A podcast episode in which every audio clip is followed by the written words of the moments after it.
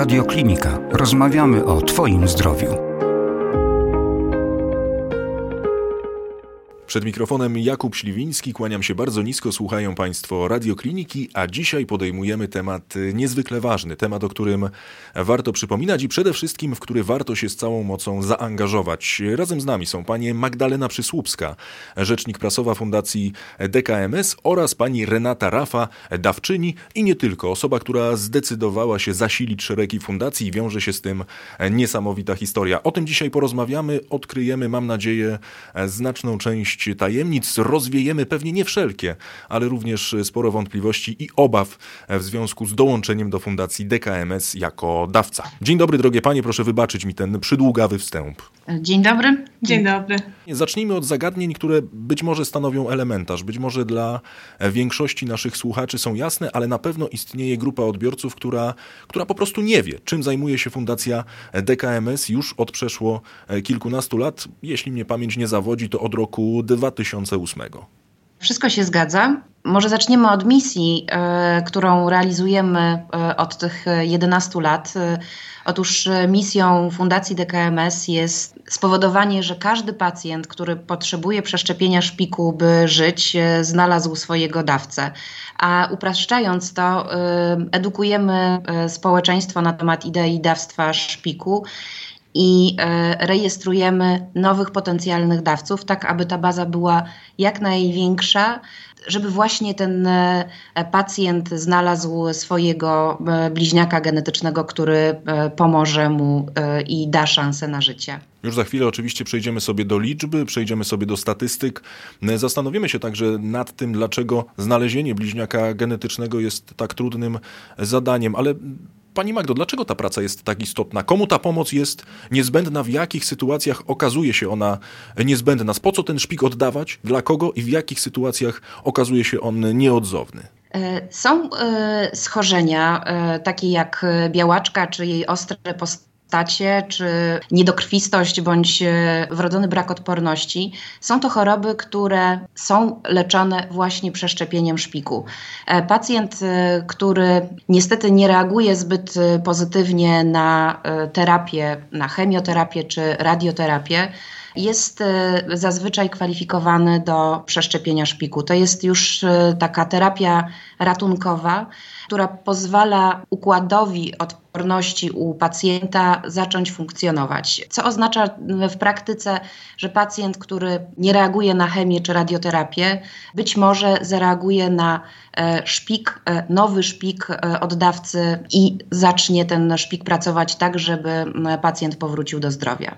Rozumiem. No i wtedy pojawia się postać bliźniaka genetycznego. Ja tak powiedziałem, że są z nią związane głównie trudności, jeżeli chodzi o znalezienie. Czy możemy wyjaśnić i przedstawić słuchaczom radiokliniki, kim jest y, postać bliźniaka genetycznego, no i właśnie z czego wynikają te trudności, jeżeli chodzi o znalezienie potencjalnego dawcy? To może y, zaczniemy od takich y, statystyk.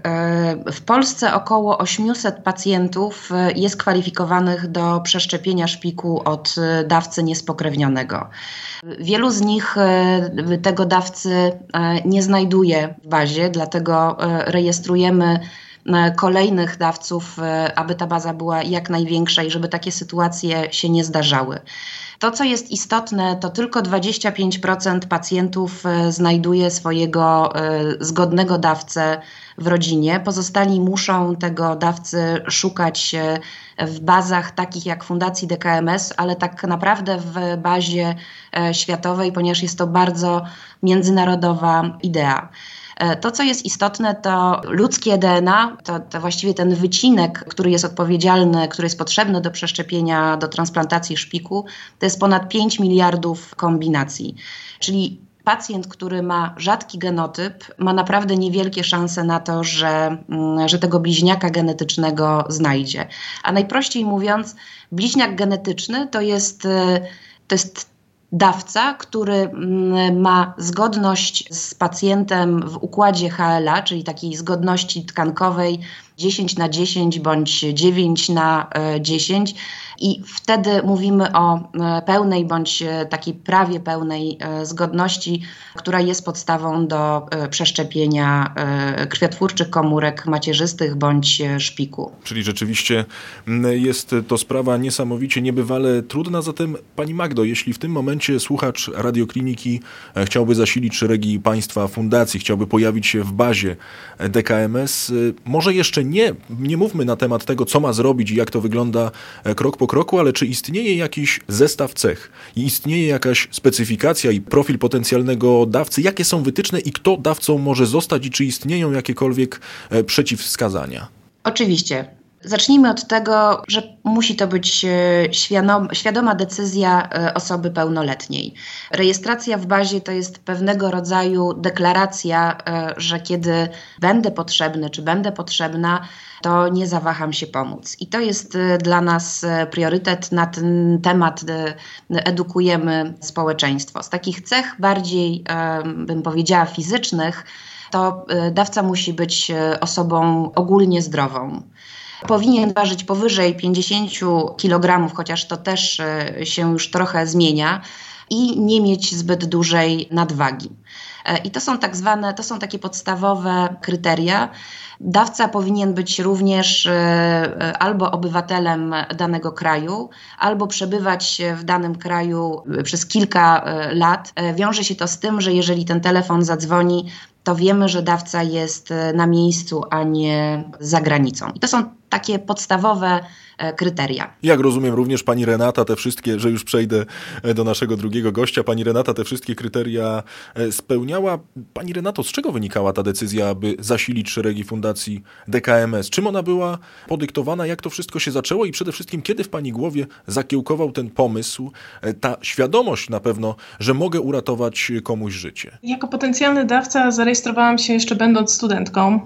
Na moim uniwersytecie była organizowana akcja rejestracji i dedykowana dwóm małym chłopcom, którzy potrzebowali przeszczepienia szpiku. I moja koleżanka e, zasugerowała, że być może zarejestrowałybyśmy się, bo być może możemy komuś uratować życie.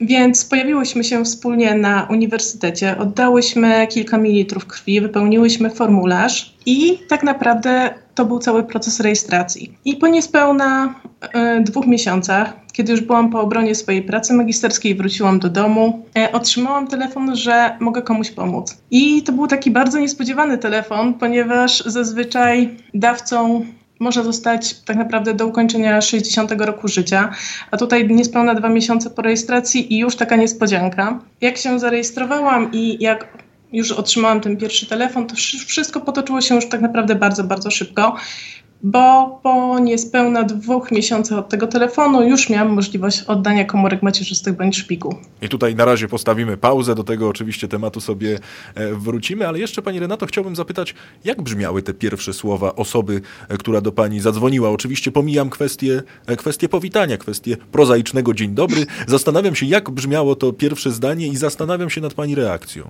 Dzień dobry, z tej strony osoba taka i taka, dzwonię z Fundacji DKMS i chciałam zapytać, czy podtrzymuje Pani swoją gotowość do oddania kwiatwórczych komórek macierzystych dla potrzebującego pacjenta? Ale proszę, i te słowa chyba rezonują do dzisiaj Pani głowie. Oczywiście już za chwilę będziemy sobie ten temat kontynuowali i zanim także spytam Pani, Pani Renato, o największe obawy, jakie podejrzewam również e, wystąpiły, to wcześniej wrócę do Pani Magdy. Pani Magdo, jakie są właśnie te obawy, jeżeli chodzi o potencjalnych dawców, jeżeli chodzi o potencjalne osoby, które e, zasilają Państwa fundacje? Z czym one się zmagają? Co wywołuje w nich te największe i niepokojące sygnały? Przede wszystkim e, brak wiedzy. Te obawy wynikają z mitów, które e, gdzieś funkcjonują e, w przestrzeni. Bardzo usilnie staramy się z tymi mitami walczyć. Takim największym mitem, kompletnie dla nas niezrozumiałym, to jest to, że na przykład komórki oddaje się, pobierając je z kręgosłupa. Zastanawialiśmy się, e, skąd to się wzięło, i do tej pory, tak na dobrą sprawę, nie udało nam się znaleźć źródła tego mitu. To jest absolutny mit. Szpiku nie pobiera się z kręgosłupa, bo po pierwsze go tam praktycznie nie ma. E, tylko pobiera się z talerza e, kości biodrowej. To są te dwa takie największe, dwie największe kości w organizmie człowieka, z których dwoma igłami w znieczuleniu ogólnym dwóch lekarzy pobiera odpowiednią ilość tego materiału przeszczepowego i nie ma to nic e, wspólnego z kręgosłupem. I to jest mit, e, z którym walczymy. Te obawy dawców e, są związane również z tym, że to może boleć. Zapewne taki zabieg pobierania talerza kości biodrowej do najprzyjemniejszych nie, nie należy natomiast jest przeprowadzany w pełnym znieczuleniu a sam zabieg też jest poprzedzony bardzo, bardzo kompleksowym badaniem dawcy, e, które e, ma za zadanie wykluczyć wszelkie choroby e, uniemożliwiające donację takiemu dawcy, ale też sprawdzić, czy ta donacja, czy, czy, czy to pobranie komórek będzie dla tego dawcy bezpieczne. Jeśli chodzi o drugą metodę pobierania tych krwiotwórczych komórek, to jest metoda, która bardzo przypomina oddawanie krwi w punktach krwiodawstwa. Więc e, ból, e, który jest związany z tą metodą, to jest tak naprawdę kłucie igły w oba e, przedramiona. No i to, to jest chyba ból, który możemy, możemy w jakiś sposób przeżyć. Na pewno dawcy obawiają się igieł. Są osoby, które mają z tym ogromny problem, ale wiemy, że dla wielu z nich ta świadomość, e, o jaką stawkę jest, e, e, no nie chcę powiedzieć gra, ale jaką, jaka, jaka stawka jest gdzieś w tle, że to jest ludzkie życie, to i te obawy potrafią w sobie pokonać. Myślę, że też sporym mitem jest to, że mm, jeżeli ten telefon zadzwoni z, z takiego ośrodka dawców szpiku jak nasz, czy z każdego innego, to nagle trzeba wszystko rzucić i e, jechać gdzieś do pacjenta, który znajduje się na drugim końcu Polski czy na drugim końcu świata. Tak nie jest. Średnio taka procedura trwa około trzech miesięcy i tak naprawdę jest dopasowana do e, stanu e, zdrowia e, pacjenta. Czasami ta procedura, procedura trwa krócej, czasami przedłuża się nawet i na długie, długie miesiące, bo pacjent, który tej transplantacji potrzebuje, musi być na nią przygotowany, musi być gotowy, musi być w miarę dobrej formie, żeby ten zabieg przejść. I to są mity, z którymi y, walczymy. Walczymy również y, przy pomocy naszych dawców, którzy opowiadają swoje historie y, i twierdzą, że no wcale nie jest to takie bolesne. Dokładnie tak. No i dzisiaj mamy również przykład pani Renaty, do której już za chwilę, e, już za chwilę wrócimy. Pani Magdo, ale zanim e, zabieg, zanim te wszystkie procedury, które e, należy poczynić, no to wcześniej wróćmy do początku, czyli do możliwości zasilenia szeregów państwa fundacji. Jak to wygląda krok po kroku, jeżeli chodzi o technikalia? Gdzie należy się zgłosić? W jaki sposób? Co otrzymamy? Jak wygląda ten pierwszy, nazwijmy to ten etap przedwstępny, jeżeli chodzi o fundację DKMS? Obecnie y, z racji sytuacji na świecie, y, mam na myśli pandemię, do bazy dawców szpiku dołączyć można y, onlineowo. Wystarczy wejść na stronę www.dkms.pl. Tam jest taki przycisk Zarejestruj się. Można przeczytać o wszelkich e, przeciwwskazaniach, e, które oczywiście też e, występują i uniemożliwiają bycie dawcą, ale o tym za chwilę. Można przeczytać o samej idei i podjąć tą świadomą decyzję. Trzeba przejść parę kroków, odklikując odpowiedzi na pytania i tak naprawdę to jest moment, kiedy można e, kliknąć e, zamów pakiet, podać e, swój adres domowy, na który pakiet rejestracyjny przyjdzie. Kiedy już kurier bądź poczta ten pakiet dostarczy, w domu e, otrzymujemy instrukcję, jak pobrać prawidłowo wymaz e, z wewnętrznej strony policzka. Renata opowiadała o tym, że oddała e, kilka mililitrów krwi. W tej chwili nie rejestrujemy przez krew, tylko właśnie tą prostszą metodą, zupełnie nieinwazyjną, poprzez tak naprawdę pogmeranie w pałeczką mm, w wewnętrznej stronie e, policzka. Robimy to trzykrotnie, są w pakiecie trzy e, pałeczki. E, wypełniamy formularz, pakujemy pałeczki i formularz do koperty i odsyłamy na koszt fundacji do nas. Naprawdę mhm. to jest tyle. No i później czekamy, czekamy na tę możliwość, na ten telefon, który również sprowadzi nas do tego, że możemy uratować komuś życie. Pani Magdo, wspomniała Pani o tych przeciwwskazaniach. Ja przyznam szczerze, że przestraszyłem się już kilka minut wcześniej, bądź też kilkanaście, jak wspominała Pani o tej nadwadze, ale jak rozumiem, że są, są jednak jakieś przeciwwskazania, jeżeli chodzi o to, aby dołączyć do Państwa fundacji. E, tych takich przeciwwskazań jest kilka. Oczywiście oprócz tych podstawowych, czyli osoba, który, osoba, która chce się zarejestrować, musi być właśnie w tym wieku 18-55 lat. Nie może mieć zbyt dużej otyłości, co oznacza, że jej BMI nie może przekraczać 40.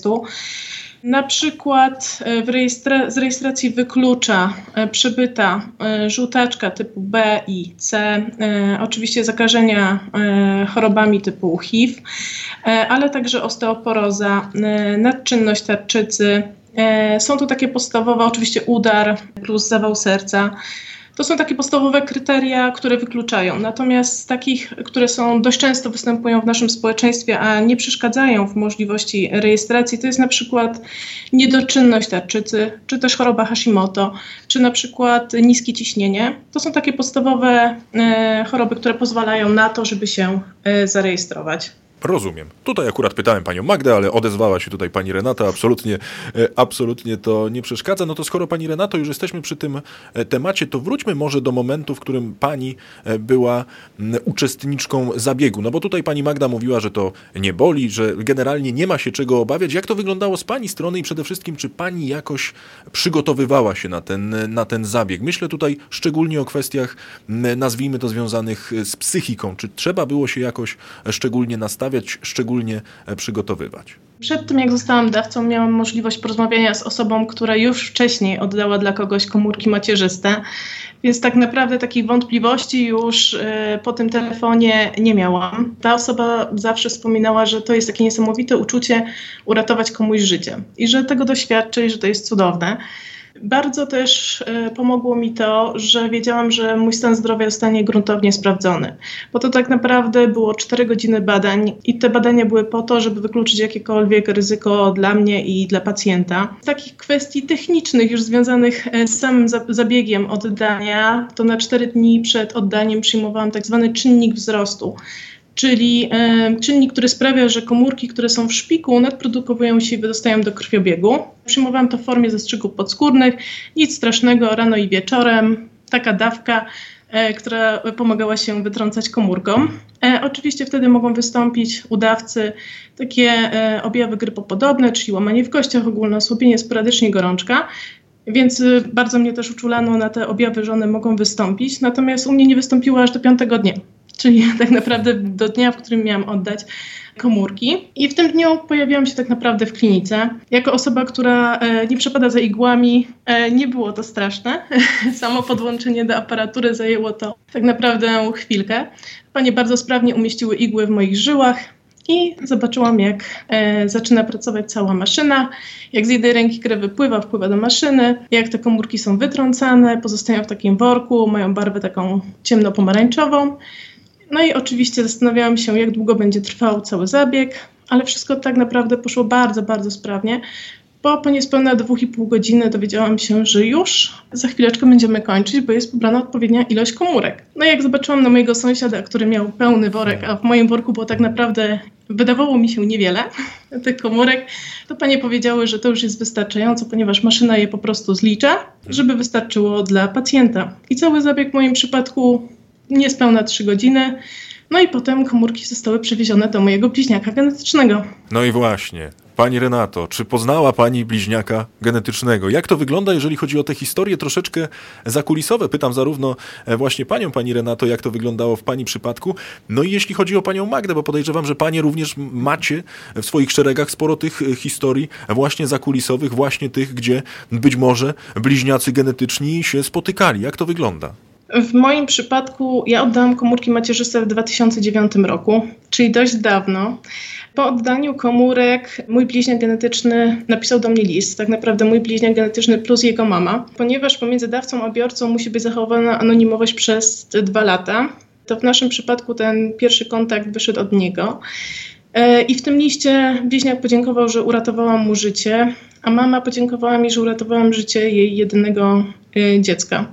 I poinformowała mnie, że mój bliźniak genetyczny wraca już do zdrowia, zaczyna y, y, ćwiczyć tenis.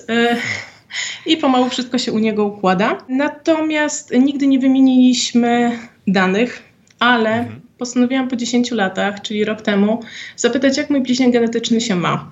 Czy wszystko u niego dalej w porządku, czy normalnie żyje, funkcjonuje. Okazało się, że tak. Więc to jest jedna z najlepszych informacji, którą można utrzymać, że pomogło się komuś i ta pomoc była potrzebna i była skuteczna, e, czyli że on żyje i miewa się dobrze. I to myślę jest ta największa satysfakcja właśnie z tego typu pomocy. Wow. Pani Magdo, czy zechce Pani uzupełnić jeszcze tę wypowiedź o jakieś inne historie? No bo naprawdę tutaj aż, przyznam szczerze, e, troszeczkę mi mowę odjęło.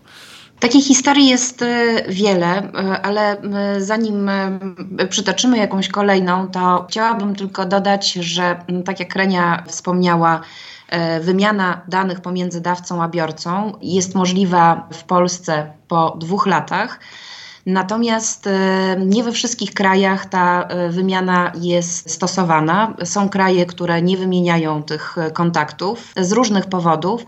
E, więc e, nie zawsze dawca z Polski e, dowie się, co słychać u, u, bliźniaka genetycznego, na przykład z Włoch czy z Hiszpanii, ponieważ te te kontakty są ograniczone. W Polsce, tak jak powiedziałam, po dwóch latach może dojść do wymiany kontaktów.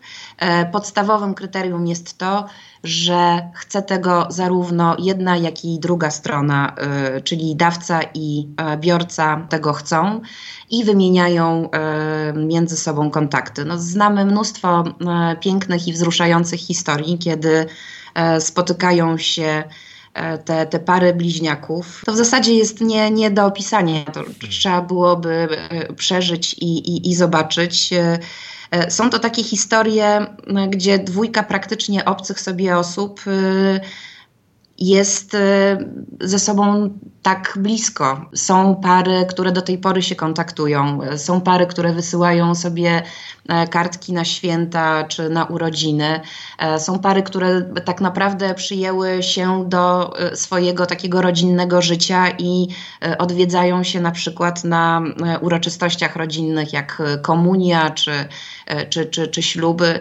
E, to jest y, niesamowite. Myślę, że ja tego nie potrafię e, objąć umysłem, e, bo nie jestem dawcą takim realnym.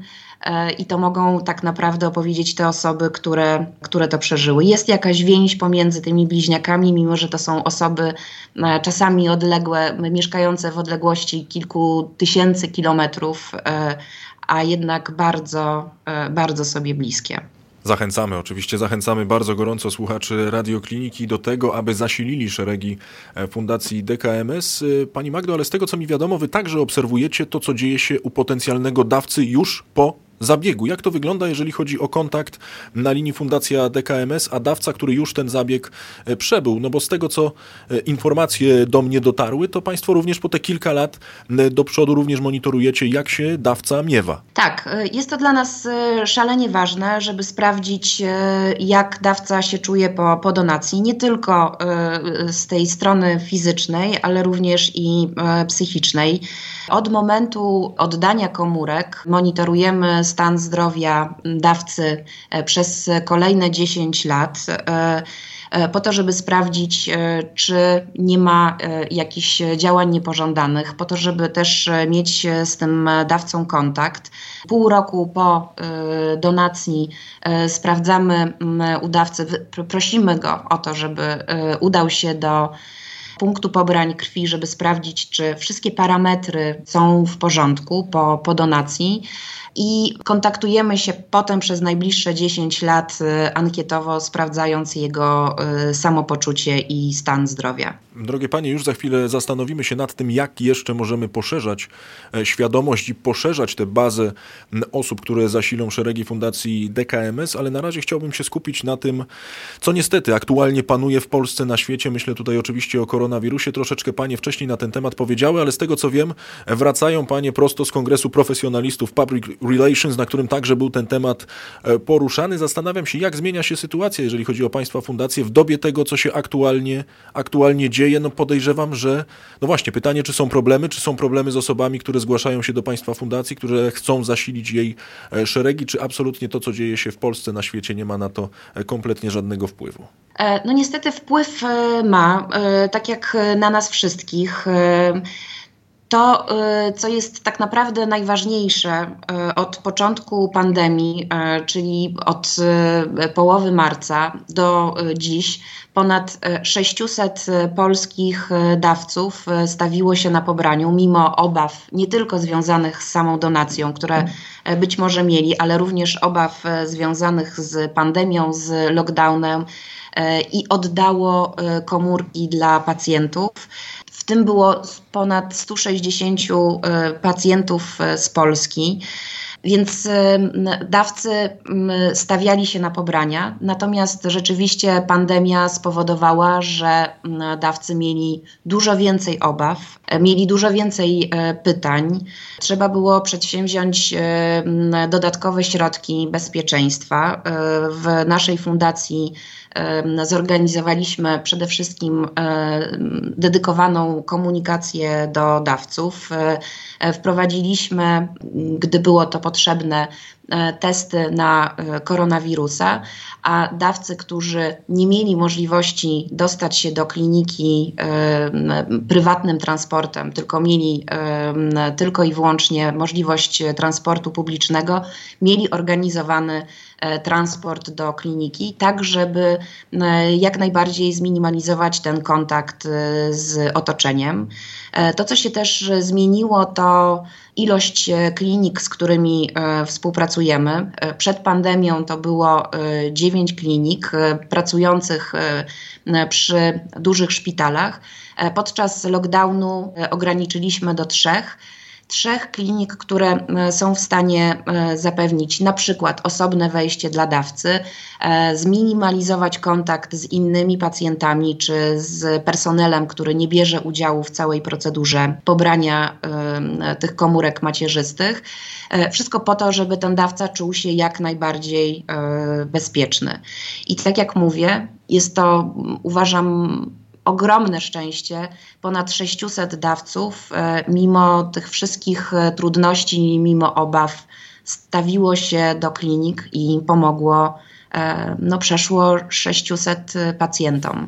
No i miejmy nadzieję, że tych e, dawców, że osób, które będą chciały pomóc, będzie zdecydowanie, zdecydowanie i tylko więcej. No bo panie również także jako fundacja organizujecie e, szereg akcji, które wspomagają, które zachęcają do pomocy. Między innymi trafiłem ostatnimi czasy na akcję 10 za 10. Jeśli mnie pamięć nie myli, ta akcja oczywiście trwa do końca, e, do końca września, a właściwie trwała do końca, do końca września. Pytanie, jakie jeszcze inne sposoby na promocję, na rozpropagowanie tego sposobu pomocy pomocy przychodzą paniom do głowy? W naszej organizacji mamy sporo akcji e, edukacyjnych. E, przytoczył Pan e, akcję 10 za 10.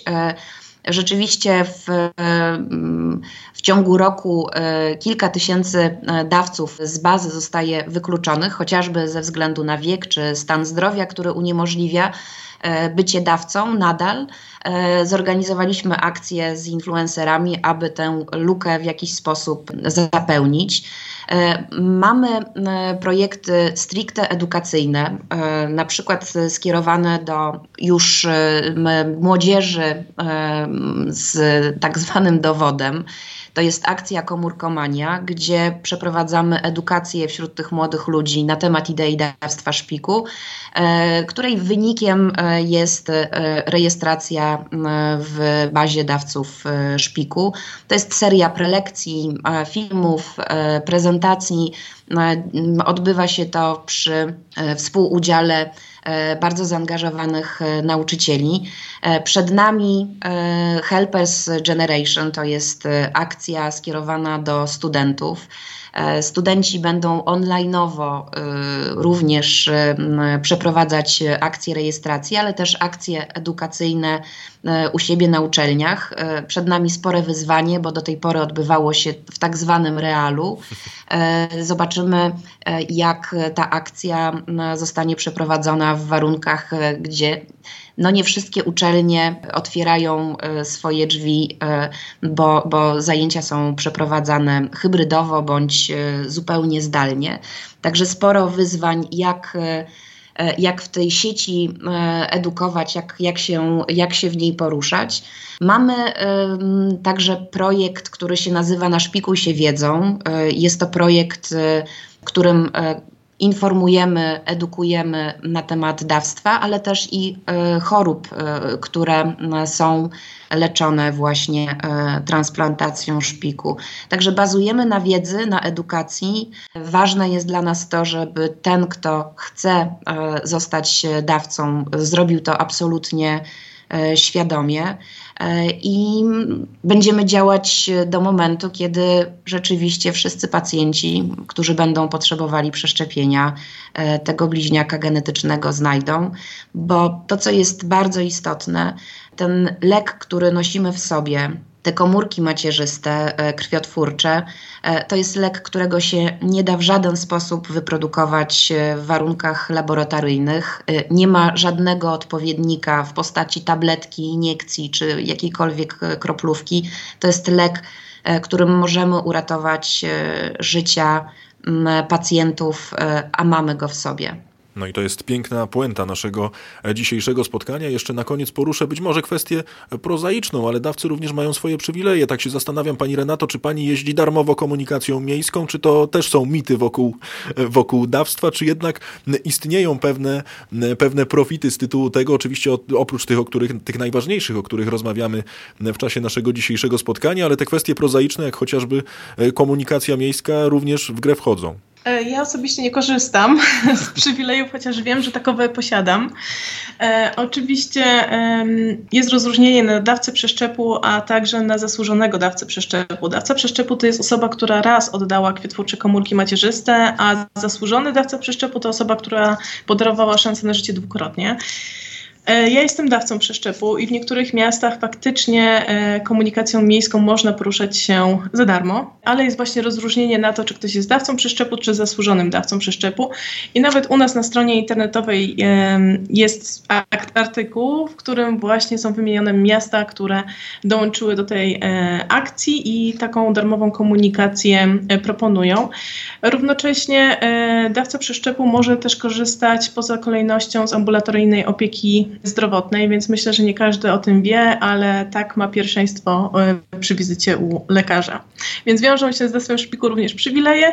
Wiem, że dawcy rzadko z nich korzystają, e, natomiast taka możliwość jest. No to ja życzę, drogie panie, aby dawców przeszczepu, aby zasłużonych dawców przeszczepu było jak najwięcej. Z tego co wiem, mój rodzinny Mielec również zaangażował się w akcję związaną z komunikacją miejską, darmową komunikacją miejską i myślę, że to również jest plus jak największy. Drogie panie, na koniec w telegraficznym skrócie e, przypomnijmy tym ze słuchaczy Radiokliniki, którzy w tym momencie, a mam nadzieję, że takich słuchaczy jest e, cała masa, chcą zasilić szeregi fundacji DKMS. Króciutko, krok po kroku przypomnijmy, gdzie należy się zgłosić, co należy robić, jakie wytyczne należy spełnić, jakie zakładki należy kliknąć. Pierwsza, najważniejsza sprawa, rejestracja do e, bazy dawców szpiku musi być e, decyzją świadomą. E, wszelkie informacje o tym, kto może zostać dawcą i z czym to się wiąże, znajdziecie Państwo na naszej stronie www.dkms.pl. Zarejestrować się może każda pełnoletnia osoba między 18 a 55 rokiem życia, ogólnie e, zdrowa, e, zamieszkująca teren Polski i nie będąca w zbyt dużej e, nadwadze. Magdalena Przysłupska, rzecznik prasowa Fundacji DKMS, pani Renata Rafa, dawczyni, a także i będąca w szeregach właśnie Fundacji DKMS. Panie były gośćmi Radiokliniki. Drogie panie, wielka, ogromna, serdeczna przyjemność. Bardzo, bardzo serdecznie dziękuję. My również dziękujemy. Pozdrawiamy. Więcej audycji na stronie radioklinika.pl i w naszej aplikacji mobilnej.